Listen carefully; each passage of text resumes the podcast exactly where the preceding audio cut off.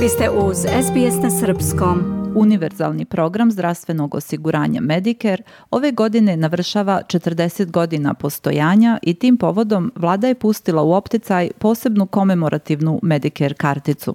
A da li znate šta vam ta zelena kartica zapravo obezbeđuje? Sve veći broj eksperata poziva vladu da učini nešto više od izdavanja posebne kartice – Organizacije koje predstavljaju korisnike zdravstvene zaštite, kao i medicinski radnici, kažu da bi vlada trebalo da finansira program javnog obrazovanja o zdravstvenom sistemu Australije. The healthcare system is Doktorka Elizabeth Deveni, glavna izvršna direktorka Foruma korisnika zdravstvene zaštite u Australiji, kaže da je zdravstveni sistem od velike važnosti za sve Australijance, jer svi na neki način plaćaju za njega. Bilo putem poreza na prihod, doprinosa za Medicare, privatnog zdravstvenog osiguranja, participacije, kupovine lekova ili plaćanjem benzina za odlazak kod lekara ili putem uzetog bolovanja. U pitanju je naše zdravlje i imamo pravo da znamo šta dobijamo za sve te dolare poreza koji plaćamo i kako da najbolje iskoristimo to što dobijamo, ističe doktorka Deveni koja takođe objašnjava da je pre 40 godina kada je Medicare prvi put uveden, postojala javna rasprava o funkcionisanju novog univerzalnog sistema zdravstvene zaštite. Bilo je u novinama. Ljudi su razumeli koja je svrha Medikera i kako da koriste njegove usluge. Osim toga, kada je prvi put uveden Medicare, vlada je platila radnike čiji je posao bio da idu od vrata do vrata i kažu ljudima da je uveden novi sistem zvani Medicare i da svima objasne kako taj sistem funkcioniše da im kažu da će dobiti karticu, da im objasne kako da je koriste i koje troškove ona pokriva kaže doktorka Deveni i dodaje da mlađi ljudi i svi oni koji su došli u Australiju posle 1984. godine nisu imali priliku da dobiju te informacije. Oni su prosto odrasli sa Medicareom, kaže Deveni, i niko im nije objasnio kako on funkcioniše. O tome se ne uči u školi. Čak i lekari kažu da kada završe obuku i počnu da rade, otkriju da postoje stvari u vezi sa Medicareom koje nisu razumeli. Forum korisnika zdravstvene zaštite brine to što nedovoljno poznavanje funkcionisanja zdravstvenog sistema može da znači da ljudi ne koriste usluge na koje imaju pravo i da plaćaju više za zdravstvenu zaštitu. Njihovu zabrinutost deli i Kraljevski australijski koleđ lekara opšte prakse, koji je izdao saopštenje u kome poziva na veću zdravstvenu pismenost, naročito o Medikeru. Obe organizacije ističu da je u krizi troškova života za Australijance važnije nego ikada da znaju da imaju pravo na besplatnu i subvencionisanu zdravstvenu zaštitu. Prošle godine broj ljudi koji su odložili posetu lekaru ili nisu ni otišli kod lekara zbog cene pregleda porastao je na 30%, kažu iz Australijskog biroa za statistiku – a posebno zabrinjava to što kod lekara uglavnom nisu odlazili ljudi sa hroničnim bolestima. Doktorka Deveni kaže da bi upravo ti ljudi mogli imati najviše koristi od boljeg informisanja o funkcionisanju Medikera. U okviru programa farmaceutskih beneficija imamo takozvanu sigurnosnu mrežu. Isto postoji i za Medicare. Kada potrošite određenu količinu novca u Medicaru, vlada vam kaže da ste potrošili određenu količinu novca i da će od sada za vas sve biti jeftinije. Isto se primenjuje i na lekove. Postoji sigurnosna mreža za lekove koje subvencioniše država. Međutim, niko vas ne obavesti kad dostignete limit. I zato smo prilično uvereni da ima mnogo australijanaca sa hroničnim bolestima koji su potrošili mnogo novca na lekove, a koji ne znaju da su prešli prag i da treba da dobijaju lekove po nižoj ceni ili čak da ih dobijaju besplatno, objašnjava doktorka Deveni.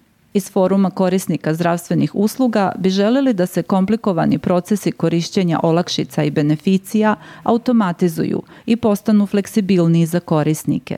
Ali doktorka Deveni naglašava da je najjednostavnije rešenje uglavnom obrazovanje korisnika – Na primer, ona kaže da mnogi ljudi ne znaju da od svog lekara opšte prakse mogu da zatraže da njihov pregled u potpunosti pokrije državna subvencija, to jest bulk billing, čak i ako to nije uobičajena procedura njihove klinike.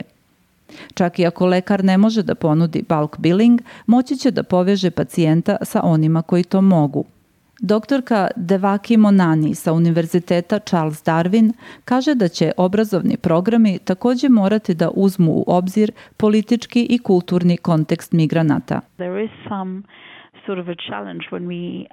Ne treba sve kulturološki i jezički različite zajednice stavljati u isti koš, niti za sve upotrebljavati isti termin migranti, zato što pristup Medikeru zavisi od viznog statusa, objašnjava doktorka Monani i dodaje da i jezik može biti problem u kontekstu zdravstvene zaštite i prenošenja zdravstvenih informacija javnosti, pri čemu ističe da nije problem samo u rečima koje se koriste, već i u davanju konceptualnog okvira.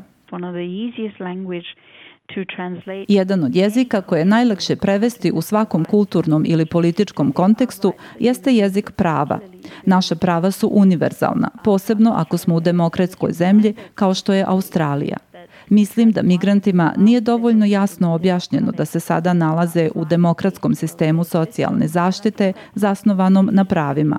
Migranti nekako žive u strahu, a posebno oni koji su na privremenim vizama kaže doktorka Monani i takođe objašnjava da se strah može pretvoriti u nepoverenje prema institucijama kao što je zdravstveni sistem ili u nespremnost da se traže povlastice. Moramo da podsjetimo migrante i druge nemigrantske grupe u Australiji da je Medicare osnovno ljudsko pravo. Srećni smo što u Australiji imamo taj zdravstveni program i pristup zdravstvenim uslugama.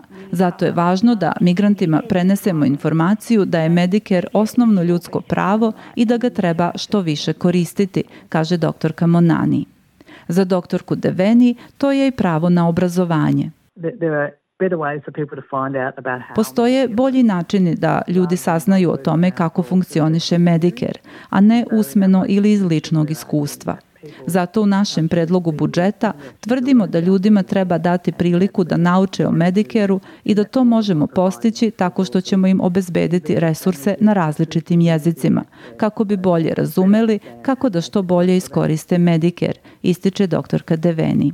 U stvari, i priča o SBS-u počela je od namere da se poruka o sistemu zdravstvene zaštite prenese ljudima koji kod kuće govore druge jezike osim engleskog.